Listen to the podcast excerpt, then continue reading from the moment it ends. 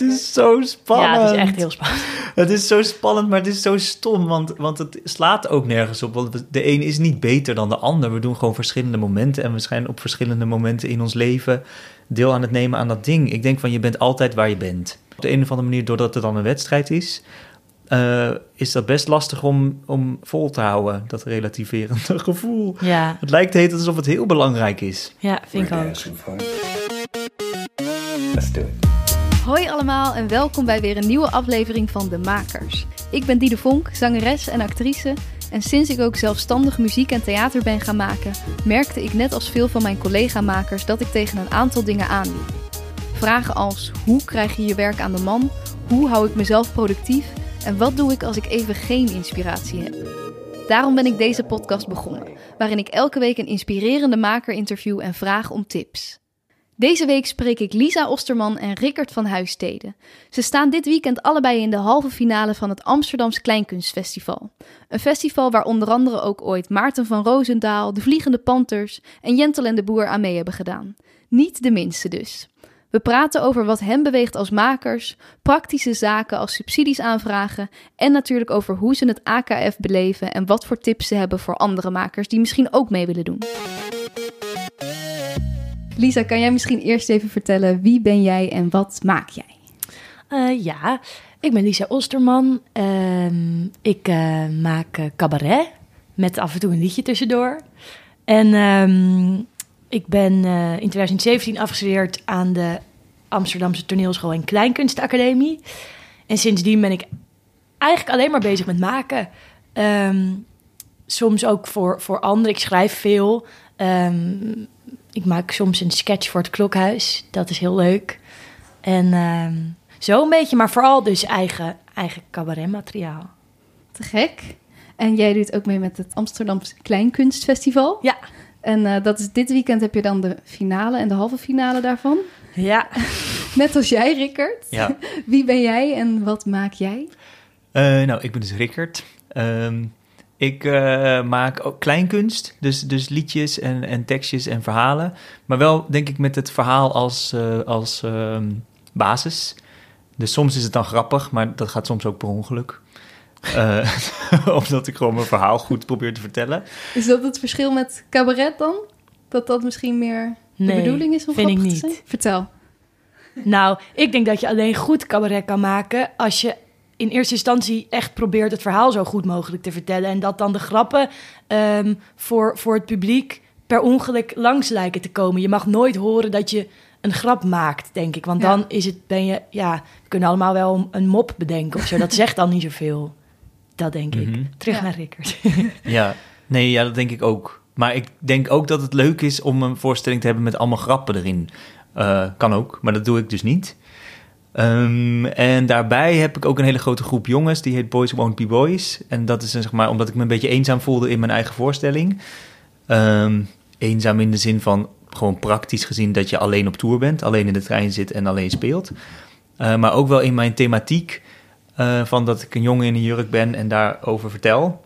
En dan na afloop soms het gevoel heb van, oh, ik ben echt de enige.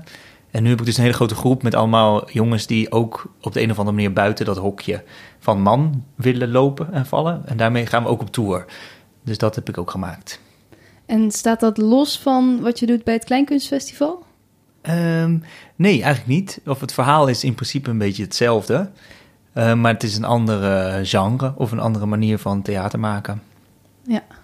En eh, hoe zijn jullie begonnen? Wat voor opleiding hebben jullie gedaan? Eh, Lisa. Eh, nou, ik heb dus de toneelschool in Amsterdam gedaan. Mhm. Maar daarvoor, heb ik, daarvoor dacht ik nog dat ik in musicals zou spelen. Toen heb ik eh, eh, music of muziektheater gestudeerd aan het conservatorium in eh, Haarlem. Ehm, met Rickert. Ja, dat heb ik ook gedaan. Daar kennen we elkaar van. ja. Zelfde klas ook? Nee. ik Ja. zat eh, twee jaar hoger. Mhm, ja. En hoe, wanneer is die switch gekomen dat je merkte... oh, musicals eigenlijk niet wat ik wil? Hmm, nou, ik heb die opleiding afgemaakt. Mhm. Het was eigenlijk heel leuk, vond ik. Maar ik had wel daar ongeveer in het derde jaar of zo... dat ik er achter kwam. Eerst ging ik liedjes vertalen toen, vanuit, vanuit het Engels, musical liedjes. En toen dacht ik, hé, dat vertalen vind ik eigenlijk leuker... dan als ik iemand anders tekst moet doen.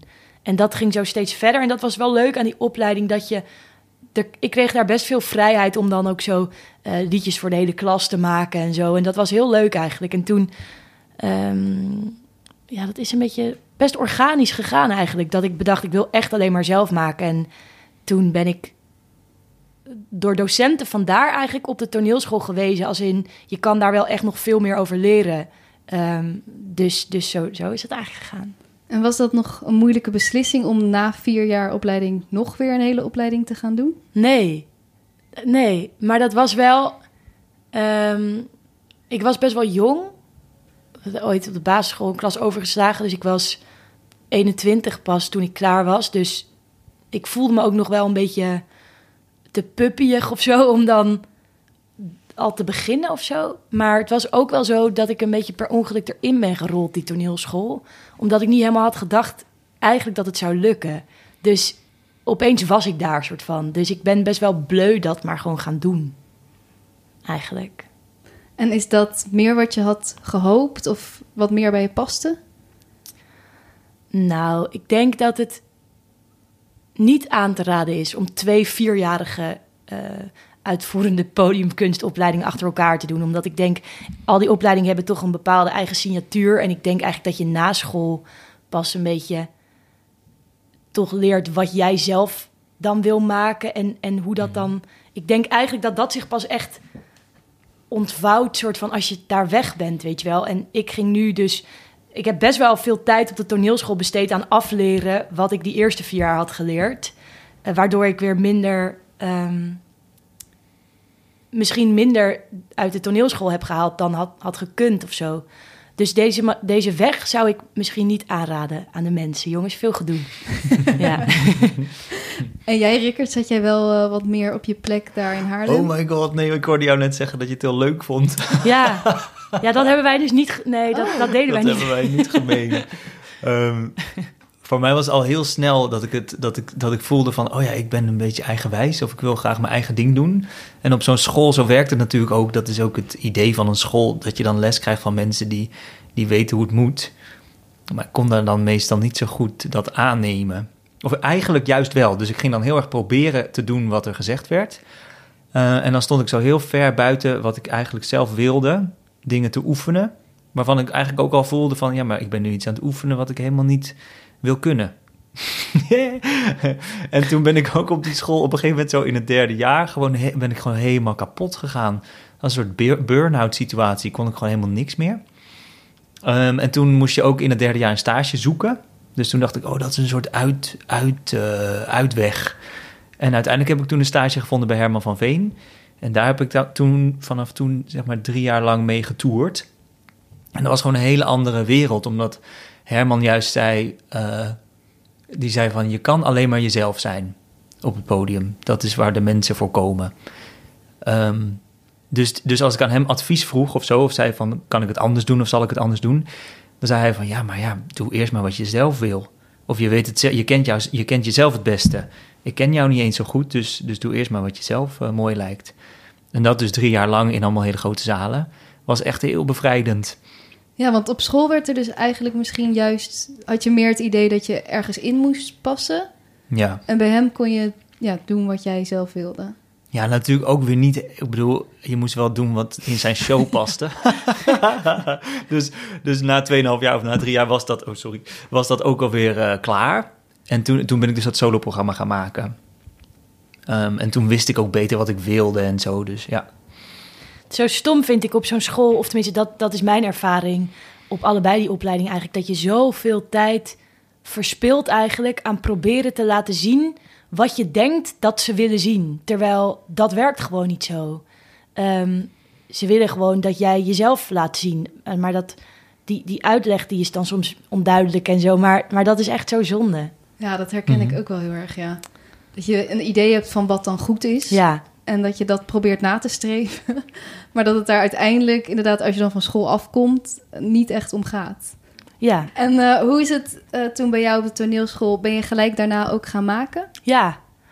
Eh, ja, dat was eigenlijk leuk. Le- leuke periode was dat, vond ik. Het klaar zijn vond ik heel leuk. Omdat, ehm, ja, ik wou graag maken. En ik, wou- ik had eigenlijk bedacht dat ik dan zo snel mogelijk aan zo'n festival mee wilde doen. Want ik wilde gewoon spelen. Maar toen dacht ik wel, maar wat dan eigenlijk? Dus toen dacht ik, je moet toch nog even daarmee wachten en gewoon zoveel mogelijk spelen op eh, de braderie van Lutjebroek, zeg maar, om gewoon maar te kijken wat dan werkt en zo. En wat ik. Dus toen ben ik eigenlijk een jaar heb ik dat gedaan. Heb ik geprobeerd overal te spelen waar ze me maar wilden hebben. Pakt soms heel leuk uit. En soms sta je op een food truck festival. eh, ergens op 40 graden in een tentje waar niemand wil komen, zeg maar. Maar ja, dat is dan ook waar weer gebeurt of zo. En ja, dat was wel echt een heel leerzaam jaar, vond ik. En hoe, want je vertelt heel makkelijk, ja, toen ging ik gewoon overal spelen. Hoe kom je op al die plekken terecht? Is dat gewoon een kwestie van duizend mails sturen? Googlen en mailen. Ja. Iedereen die maar eventueel zou kunnen helpen. En ook eh, wat ik heel erg heb gedaan is eh kijken op de speellijsten van andere beginnende mensen die een beetje in jouw straatje naar jouw idee passen. Want dan heel vaak komt er, komen er allemaal festivalletjes voorbij waarvan je niks wist. En wat ik ook wel echt vind, als je dus ehm, bijvoorbeeld het Delft Fringe Festival is een best wel leuk festival voor jonge makers. En doordat ik daar heb gespeeld, heb ik wel op vijf verschillende andere plekken kunnen spelen, omdat dat gewoon via via best wel snel ging of zo. Dat is wel. eh, als je gewoon echt veel tijd steekt, volgens mij, in mailtjes sturen en mensen blijven benaderen, dan komt daar echt wel wat uit. Goeie, praktische tip. Praktische tip. En jij bent dus eigenlijk na je hele tour met Herman eh, ook zelf gaan maken. Eh, ging dat bij jou ook zo natuurlijk? Ja, ik was ondertussen wel veel aan het schrijven en af en toe ook wel eens aan het spelen. Mm, ik deed ook wel zeg maar zelf een plek huren of, of zelf bij een theater aankloppen van ik wil hier spelen en ik denk dat het vol komt. Eh, wanneer kan het? En maar dan moet je ook zo'n zaal afhuren en een technicus, eh, toch? Ja, ja en Kost dan, ook best veel geld. ja, dan een beetje bluffen en dan echt heel erg mijn best doen dat er ook mensen zouden komen. En Dus- lukte dat? Ja, dat ging meestal wel goed, ja. Mm, dus het en dan toch vrienden optrommelen en zo. Ja, toch een beetje ongegeneerd. Gewoon iedereen die dichtbij je staat zeggen van... ja, dit is het moment. Je moet, er, je moet er nu bij zijn. En die nemen dan wel weer mensen mee. En als het leuk is, ja, dan hebben ze gewoon een superleuke avond. En dan komen ze de volgende keer weer. Ehm, dat heb ik in het begin wel veel gedaan, ja. Ik heb dit ook gedaan. Dit werkt ook echt goed, ja. Ja, Maar het is wel echt veel werk. Mhm. Dus je moet zoveel PR'en en zo, dat de mensen dan komen. Maar het is wel echt een leuk spel. Als ze dan komen, weet je wel. En het, ja, dit vind het wel eh, aan te raden. ja. Of dan bijvoorbeeld ook je tegelijkertijd je verjaardag vieren. Oh, goeie. Weet je, komen mensen ook kijken. ja. ja. Top. En ehm, dat PR, hoe ziet dat eruit? Wat doe je dan allemaal? Nou, ik heb met eh, mijn solovoorstelling vorig jaar... had ik eh, dus een theater afgehuurd. Drie avonden achter elkaar. En ik wou het zo graag uitverkopen. Toen heb ik iedereen die kon bedenken... persoonlijk een bericht gestuurd. Via het medium waarvan ik dacht dat de kans het grootst zou zijn... als het hen zou bereiken. Dit is echt heel veel werk, maar het werkt wel echt heel goed. Ja, en bijvoorbeeld zo op mijn middelbare school, die een soort van nieuwsbrief meesturen naar, naar alle mensen die op mijn middelbare school lesgeven of zo, of ouders. Of eh, dat soort zo bedenken van welke mensen zouden het leuk vinden om naar mij te komen kijken. Ja, Ja, echt gewoon alles wat je maar kan bedenken, waarschijnlijk. Om ja. mensen te contacten. Ja, En jij hebt drie avonden een theater gehuurd. Voor, ja. ja. Hoe heb je dat gedaan? Ehm, nou, ik had subsidie. Ah ja. Dus dat, dat ehm, eens even te denken. Ja, dat, dat was eigenlijk daar de, de bron van. Want ik dacht dus van, ik wil heel graag een jaar maken en, en vooral zoveel mogelijk leren. Maar dan heb ik wel ook een regisseur nodig. En, en ja, je kan toch ook niet alles in je eentje. Dus toen heb ik eh, subsidie aangevraagd bij het Amsterdamse Fonds voor de Kunst. Daar hebben ze het spreekuur. Dat is bedoeld voor mensen die nog nooit eerder subsidie aan hebben gevraagd. Ehm, en ik kan je tot 5000 euro aanvragen. Eh, mits je dus een goed plan hebt. En wat daar heel leuk aan is, is dat je als ze eenmaal eh, de eerste versie van je plan, eh, als die eenmaal voldoet aan hun eisen, dan mag je op gesprek komen. Wat later niet meer zo is. Dus dan, omdat het je eerste keer is, mag je een beetje zo. Dan gaan ze gewoon vragen stellen over de dingen die je niet goed hebt gedaan, in plaats van dat ze het gewoon afwijzen. Om een beetje, dat is een leuk initiatief wel. Oh, dus dan wordt er eerst nog gepraat en dan kan je nog dingen aanpassen. Ja. En oh, dat is ook wel een goeie. Heel- echt heel lief opstapje eigenlijk naar, naar grotere projectsubsidie aanvragen. Ja. Dus toen heb je die subsidie aangevraagd en een regisseur in de hand genomen. Ja, ja. En eh, waarom denk je dat je die subsidie hebt gekregen? Had, je een bijzonder project? Nou, ik had dat inderdaad, dat, dat moest het dan wel worden. Dus dat heb ik een beetje zo. Ik heb het een beetje gebogen naar dat het had Nee, dat kan ik eigenlijk niet zeggen. Nee, het was... Het was... Knip, knip. Het was een eh, project wat gewoon echt iets bijdroeg aan de stad Amsterdam. Omdat het ging over eenzaamheid.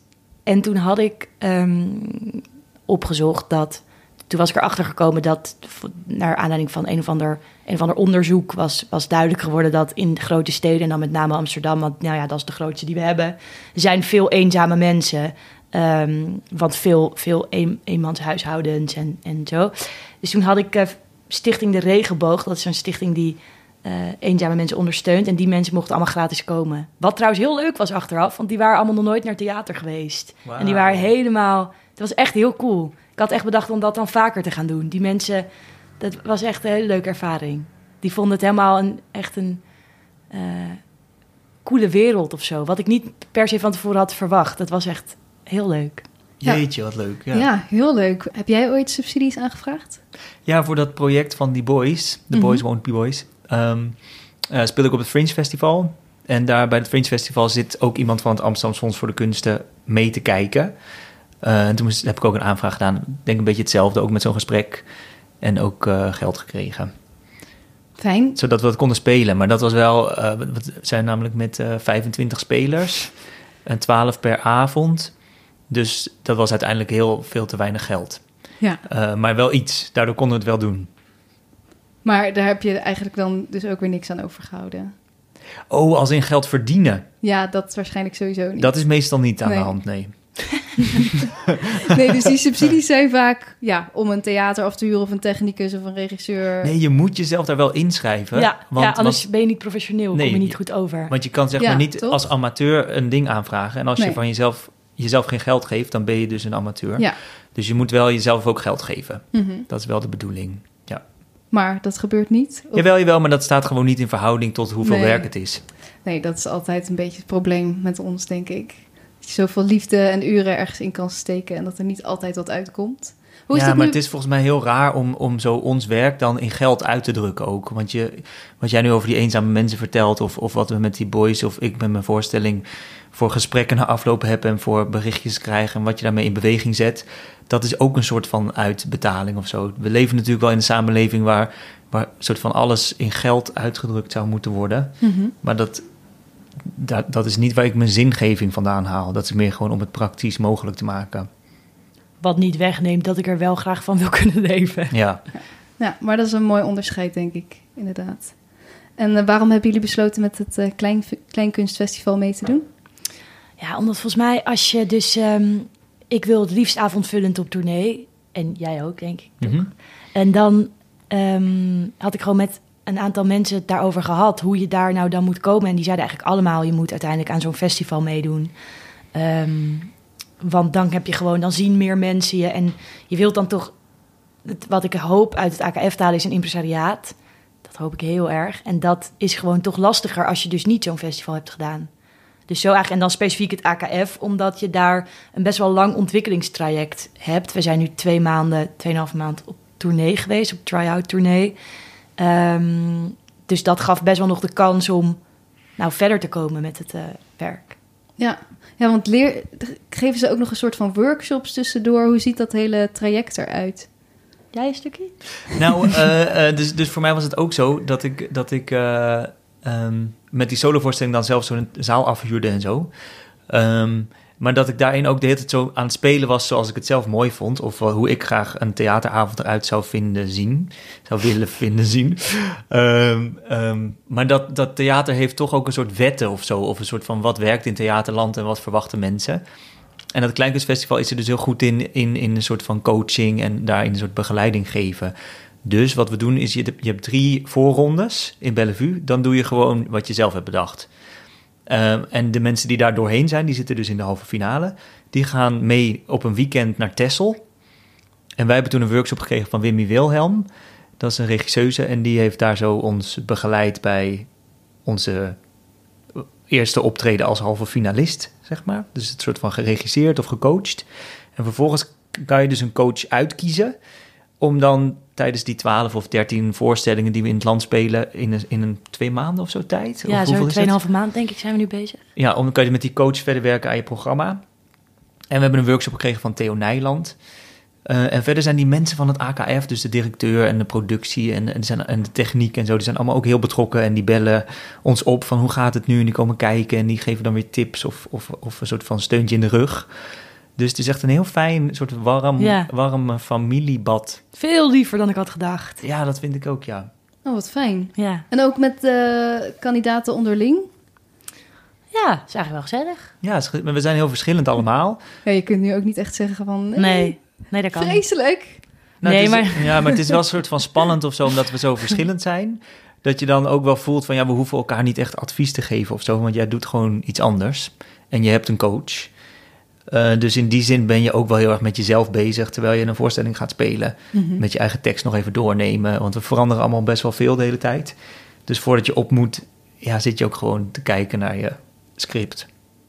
En die coach, dat is dus niet Wimmy Wilhelm, maar iemand die, eh, die bij iedereen weer anders is? Ja, Ja, je mag zelf kiezen. Oh, Eh. Maar ik had dus wel Wimmy, eh, Oké. is nu wel mijn coach.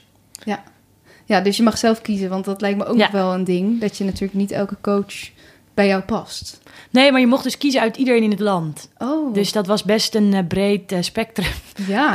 Eh, veel, veel opties. En dan gingen zij gewoon dat proberen voor je te regelen, wie je dan wilde. Mhm.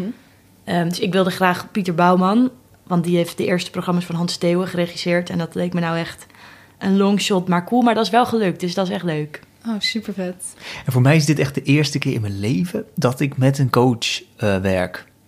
Of tenminste, op school had ik natuurlijk ook coaches, maar daar heb ik dan voor mijn gevoel achteraf niet echt mee gewerkt. Nee. Dus die, die zeiden dan wat ik moest doen en dan deed ik dat. Maar met Wimmy werk ik echt samen. Dus die, dus die denkt echt heel goed met mij mee en ik voel ook ineens heel veel ruimte om dan eh, haar advies op te volgen. Wat fijn. Dat is best nieuw voor mij. Ja, want Lisa, jij zei gelijk eh, van, nou ja, dan wilde ik zelf gaan maken, maar dat wilde ik niet zonder een regisseur doen. Maar jij bent gewoon totaal in je eentje gaan maken. Toch? Ja, ja, ik heb eigenlijk altijd eh, zo gedaan wat ik zelf wilde. En dan eh, met hele gekke keuzes erin. En zo deed ik zo'n heel stuk van mijn voorstelling in het donker. Ehm, of een stuk waarbij ik tussen het publiek ging zitten en dan daar aan het zingen was of zo. Ehm, dus op een of andere manier zonder coach werken gaf mij ook heel veel vrijheid om een soort van mijn eigen intuïtie te volgen zonder dat iemand dan zei. Want dan wist ik achteraf ook, dit is een heel slecht idee. Maar dan kon ik het wel doen zonder dat iemand dat zei. Kon je het eerst zelf uitproberen? Ja, en nu ben ik wel op een punt aangekomen dat ik denk: oké, die regels die in theaterland op de een of andere manier bestaan.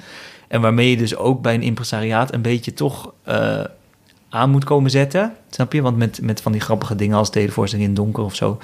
ehm, ja, dan hapt een impresariaat niet zo snel op, denk ik. Eh, en nu, nu, nu voel ik dus wel zo van: oh ja, ik heb wel zin om, om ook een beetje te doen hoe het hoort. Maar, maar dan wel helemaal ingevuld met mijn eigen verhaal. Ja. Dus ik ben iets meer, iets meer coachbaar. En waarom wilde jij wel eh, vanaf het begin een regisseur? Ehm, nou, omdat ik deed eerst alleen maar liedjes, maar ik wilde heel graag praten. Maar ik wist niet zo goed hoe dat dan zou moeten. En ik had gewoon heel erg behoefte aan dat ik dan wist dat er iemand de spelregie daarvan zou doen. Zodat ik gewoon niet heel hard op mijn bek zou gaan in deze wens. Ehm, ja, ik weet niet. Ik was daar gewoon heel onzeker eigenlijk over. En ik heb daar ook wel echt veel van geleerd. Nu praat ik veel meer dan dat ik zing. Eh, en nu ik snapte gewoon nog niet zo heel goed wat ik wilde maken. Ik wist alleen heel, heel erg dat ik dat dan wilde. Maar ehm, dat had wel af en toe iemand nodig die dan wat kritische vragen kon stellen of zo. Dat voelde ik ook, omdat ik af en toe een beetje verzande in zoveel geschreven grappen en liedjes. En ja, zo. Ik was wel een beetje. eh, soms kon ik wel nog steeds wel verdwalen in mijn eigen ideeën. En ik denk wel dat een regisseur die bij jou past zoals ik dat werken met Pieter Bouwman nu gaat best wel goed, omdat hij ehm, nooit zegt wat ik moet doen. Maar dan zeg ik van, ja, maar hoe vind je dan dit stukje? Vind je dat het anders moet? En dan zegt hij, ja, wat, wat wil je ermee zeggen? Dan zeg ik, nou, dit en dit. Dan zegt hij, ja, zegt het dat nu? Dan zeg ik, ja, net niet. Dan zegt hij, ja, dan moet het dus anders. Dus zo, dat helpt gewoon. Cool, laat hij je eigen keuzes maken. Ja, Ja, Tof. En even los van het AKF, dat, eh, wat doen jullie nog meer daarnaast? Jij vertelde al, Lisa, dat je veel eh, schrijft eh, en maakt voor anderen. Hoe ziet dat eruit? nou, ik maak vooral voor mezelf, voor mezelf hoor. Maar even denken, ja, nu, voor, even denken wat ik nu doe. Soms maak ik een sketch voor het klokhuis. Ehm, Hoe ben je daar terecht gekomen? Via de toneelschool met een jongen uit mijn klas spelen wij dan Cor en Hilda, uitgerangeerd Amsterdam Zangduo. En dat is heel leuk. Of we hebben er pas drie gemaakt door, maar we, dan mogen we dat zelf schrijven en helemaal maken en spelen. Dat is echt heel leuk, vind ik, om te doen. Ehm, ook omdat ik in mijn eigen voorstelling altijd als mezelf op het toneel zit. Dus het is heel leuk dat je dan wel als personage dat doet. Vind ik een heel leuke tegenhanger. En ik ben een beetje op proef. Mag ik soms eens een keertje meedoen bij Spijkers met Koppen? Zo'n eh, in het cabaretteam van het radioprogramma is dat op Radio 2. Maar op proef, dus allemaal nog heel beginnen. Maar ik ben eigenlijk vooral aan het snabbelen. In die zin dat ik gewoon mijn eigen programma speel. Op best wel veel plekken. Ook soms eh, dat particulieren dat dan inhuren. Zeg maar, zo betaal ik nu de huur. Ja. ja. En jij, Rickert? Nou, ik ben dus heel druk naast dat AKF bezig met die, met die boys. Uh, we gaan op tournee in het najaar en ik heb nu 22 voorstellingen verkocht. Zo zelf aan de telefoon uh, bel ik allemaal theaters op en zo. Dat is best een intensieve job. En inmiddels uh, ben ik een stichting en heb ik allemaal mensen die dingen voor me doen. Dus die de fondsaanvraag doen en de PR en de productie. En, oh, wat goed. En het is een heel team. Ehm, dus dat is wel fijn. Nu kan ik dan iets meer focussen op de artistieke kant zelf. Um, en ik geef ook trainingen over gender en seksualiteit of seksueel geweld. Um, en dat doe ik dan ook soms met mijn voorstelling. Dus bijvoorbeeld bij de politie in Rotterdam heb ik laatst een training gegeven. En dan deed ik eerst zo'n half uur programma en daarna een soort interactieve gespreksvorm over wat zij dan cultuursensitiviteit noemen. Um, dus zo bijvoorbeeld, er is een transvrouw in een buurt. Hoe ga je dan als, als, als buurtpolitieagent daarmee om? Wat voor dingen zeg je wel, wat voor dingen zeg je niet? Um, en dan is het best wel leuk om zo theater bij te doen. Omdat het dan ineens gevoelig, een soort gevoelig onderwerp wordt waar je ook dingen bij mag voelen. Of, of waarbij het een beetje poëtisch mag zijn. Wat voor zo'n onderwerp als seksualiteit of, of gender wel fijn is. Dat het niet alleen maar rationele bla bla is. Maar ook uh, iets met een open hart of met, met emoties erbij. En staan ze daar dan ook meer voor open, omdat je net die voorstelling dan gespeeld hebt? Ja, ja zeker. Ja, omdat ik mezelf als het ware openstel, um, geeft het ook ruimte voor politieagenten of mensen bij het stadsdeel of, of waar ik dat dan ook doe, uh, om, om een soort kwetsbaar open gesprek te voeren. Mm, ik probeer met mijn voorstelling zo. Het lijkt dan, wat vaak gebeurt, denk ik, als ik dan een jurk aan heb als jongen bijvoorbeeld, dat mensen zo naar mij gaan kijken. Zo van: oh, hij is anders. Uh, dat is interessant, daar ga ik naar kijken. En wat ik steeds probeer te doen is dan om het soort van weer terug te, de bal weer terug te spelen. Van, oh, maar je kan ook in jezelf kijken. Namelijk pas als je, als je het soort van jezelf herkent of iets in jezelf durft te zien, dan pas uh, kan je echt geraakt worden of zo. Mm. Dus dat is eigenlijk als ik zo'n tra training geef of als ik een voorstelling speel, eigenlijk altijd een beetje hetzelfde concept. Mooi. En je zei net over uh, nou ja, het PR, dat je dan nu een stichting bent en dat je dus dat iets minder zelf hoeft te doen. Hoe ben je een stichting geworden? Um, nou, dat is een heel gedoe, want dan moet je dus een bestuur hebben waar je zelf niet in mag zitten. Dus je geeft als het ware ook de verantwoordelijkheid van wat je aan het doen bent uit handen. Uh, maar die tour is gewoon heel groot en er spelen heel veel mensen mee. Dus het is allemaal heel veel geld. Dus dat is ergens juridisch gezien ook heel goed geregeld dat ik niet in mijn eentje die verantwoordelijkheid over al dat geld draag. Maar dat er dan groepje mensen is die dan stichting heten. En die hebben dan de verantwoordelijkheid over dat geld en de begroting en zo.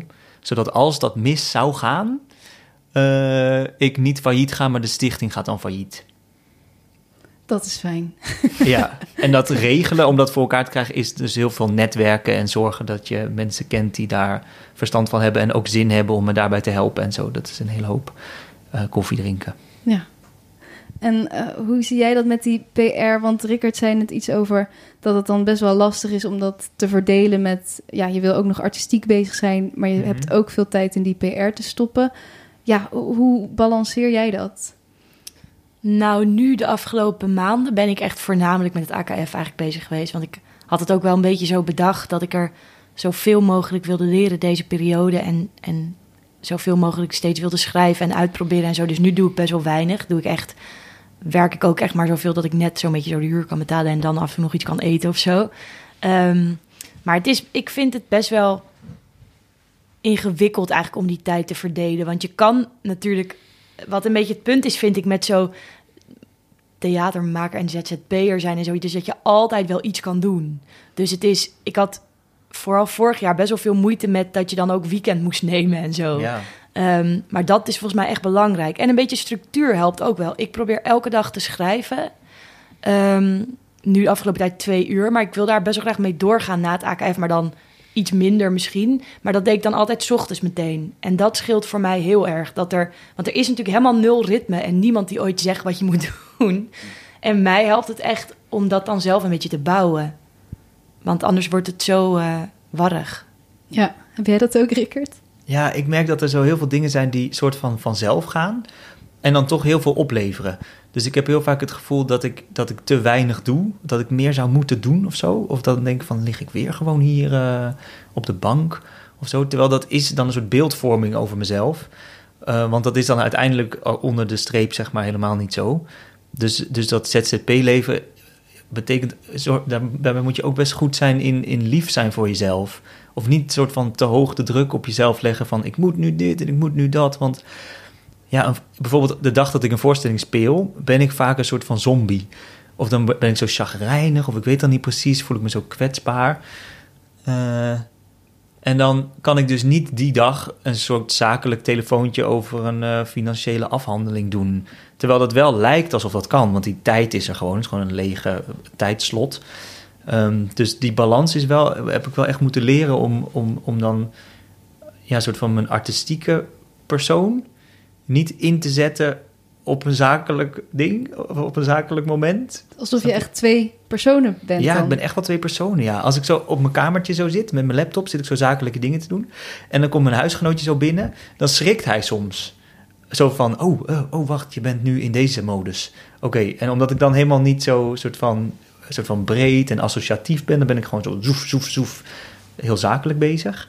En dan moet ik weer zo even een soort knop omzetten om dan, eh, om dan liedjes te kunnen verzinnen of grapjes. Ja, dat herken ik wel. Dat dat ook een hele andere mindspace vergt of zo. Maar ja. hoe leg je dat uit aan anderen inderdaad? Want die denken, ja, je hebt toch de hele dag niks te doen? Hoezo doe je Ja, dat je moet dus eerst heel goed aan jezelf uit kunnen leggen, denk ik. Dat je van jezelf weet van, oh ja, nu ben ik dit aan het doen en nu ben ik dus niet dat aan het doen. Dus als ik een liedje aan het schrijven ben, moet ik niet op WhatsApp kijken of iemand al gereageerd heeft of mijn muzikant morgen kan meespelen. Nee, en het mailprogramma uitzetten vooral. Ja, Dat is belangrijk. Ja, dus ook echt ja, tijd voor creativiteit inplannen... en dan dus je mail uitzetten en je WhatsApp. En, eh, ja, en gewoon ook echt tegen mensen zeggen van, ik ben helaas niet bereikbaar op dit moment, weet je wel? Of als je een telefoontje krijgt, niet opnemen. Echt een soort grenzen maken. Ehm, op een gegeven moment is dat wel belangrijk. Ik zit in mijn schrijftijd altijd op de vliegtuigstand. Inderdaad, klinkt, het klinkt wel een beetje bombastisch allemaal, maar, maar, maar ja, eh, een beetje zo hysterisch, maar het is wel zo dat ik dus in de afgelopen tijd best wel daar eh, fanatiek mee was. In die twee uur per dag, weet je wel. En dan zo Mhm. op de vliegtuigstand, daar ging ik echt goed op. Want dan, je kan, kijk, je kan gewoon niet de hele dag creatief schrijven. Dat past gewoon in ieder geval niet in mijn hoofd. Maar chillen aan twee uur dus afspreken, is dat, dat is dan ook afgelopen, die twee uur. En dan, Ja, dan kun je, dan lukt het ook beter, vond ik, om een beetje aardig te zijn. Dat je dan daarna ook een beetje mag eh, lopen door de stad of zo.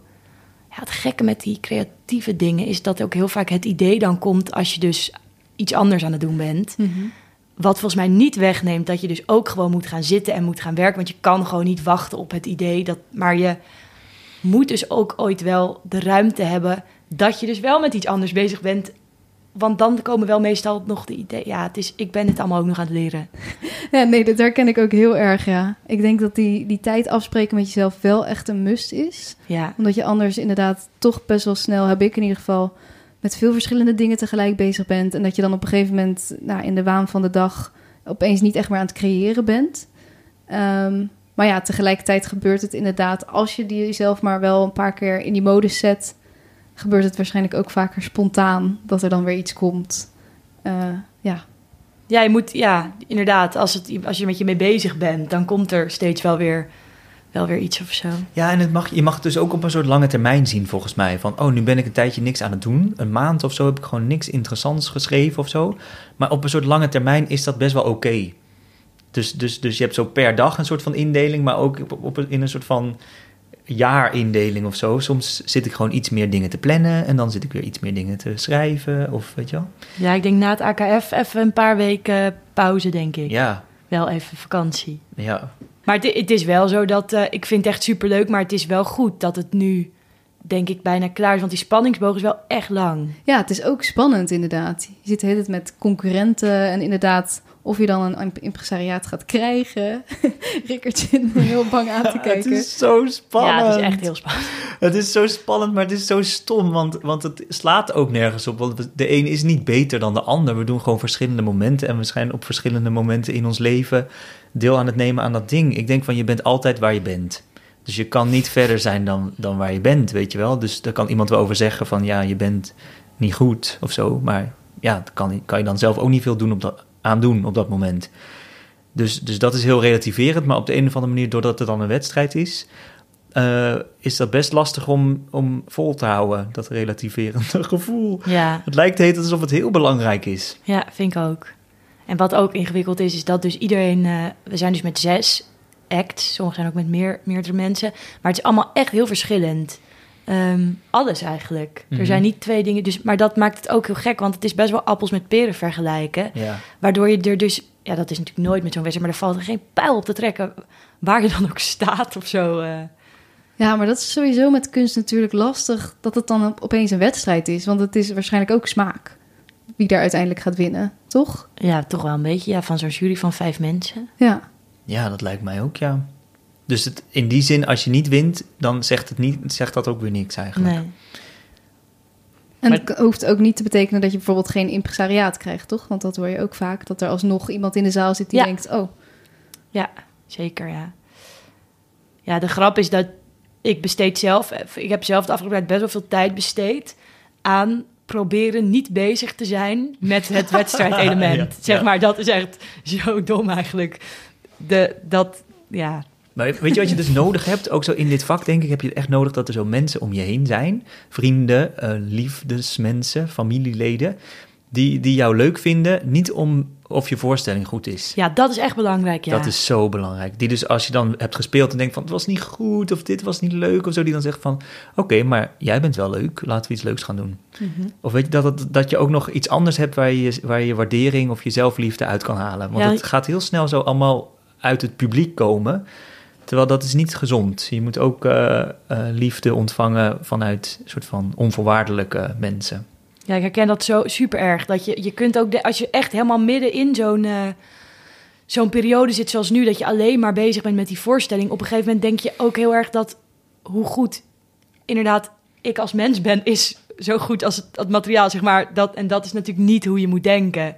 Ehm, dus het is echt, no, echt van veel waarde inderdaad dat er af en toe dan iemand is die zegt van nee, nee, dat is, dit is je werk hè, niet alles.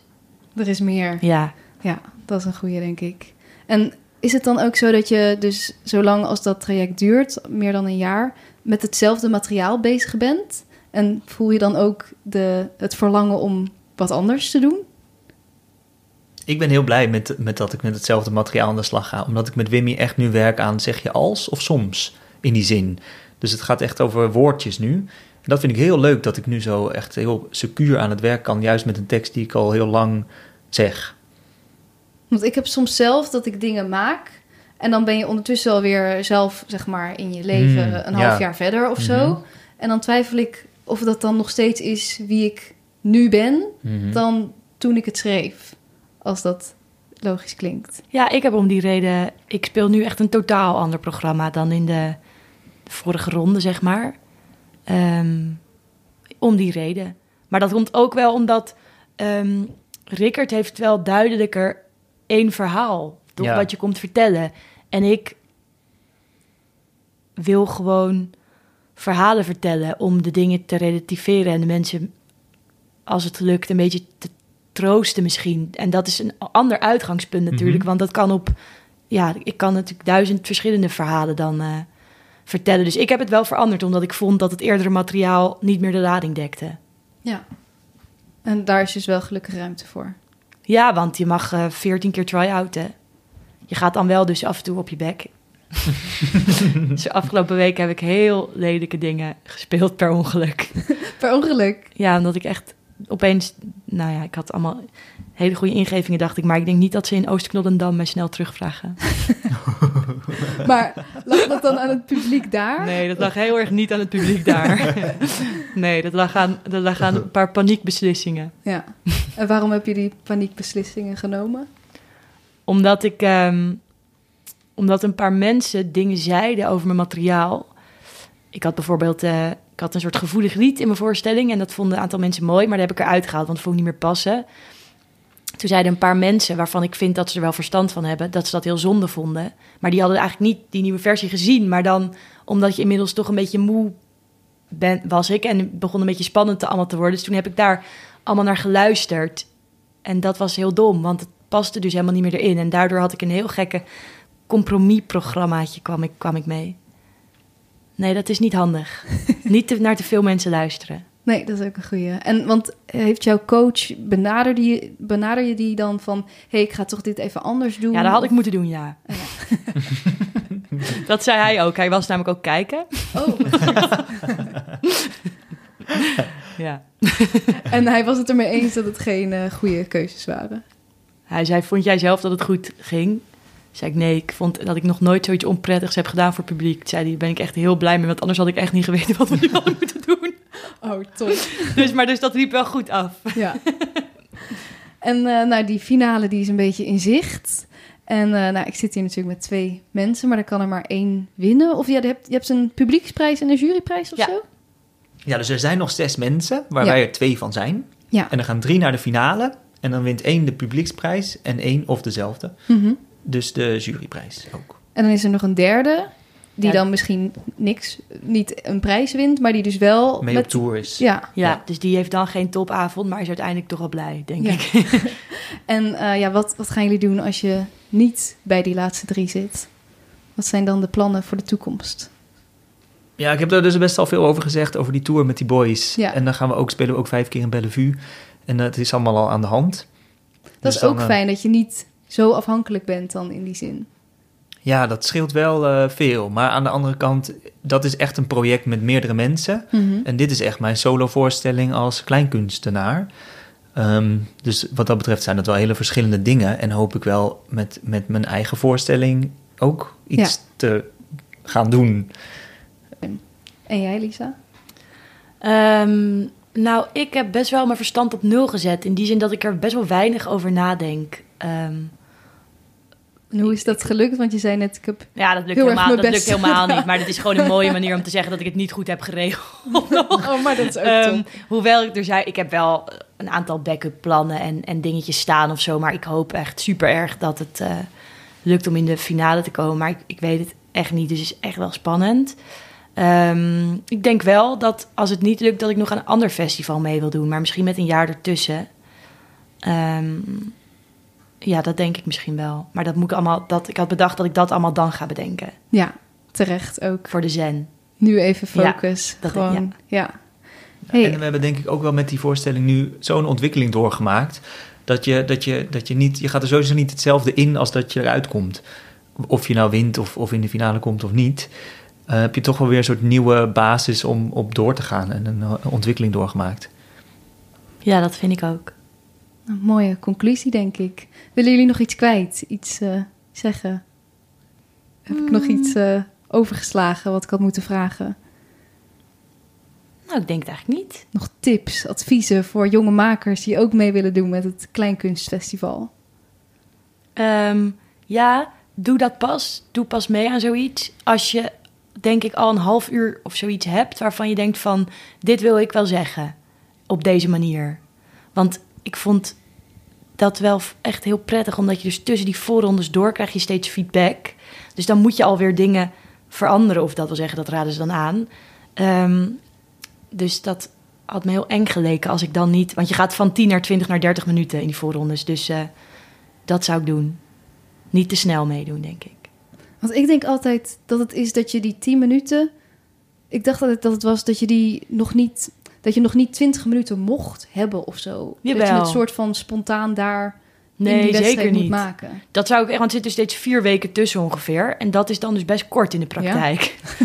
Ehm, nee, dus dat zou ik niet. eh, ik denk dat je het wel al moet hebben. Oké. En volgens mij is dat oké ook.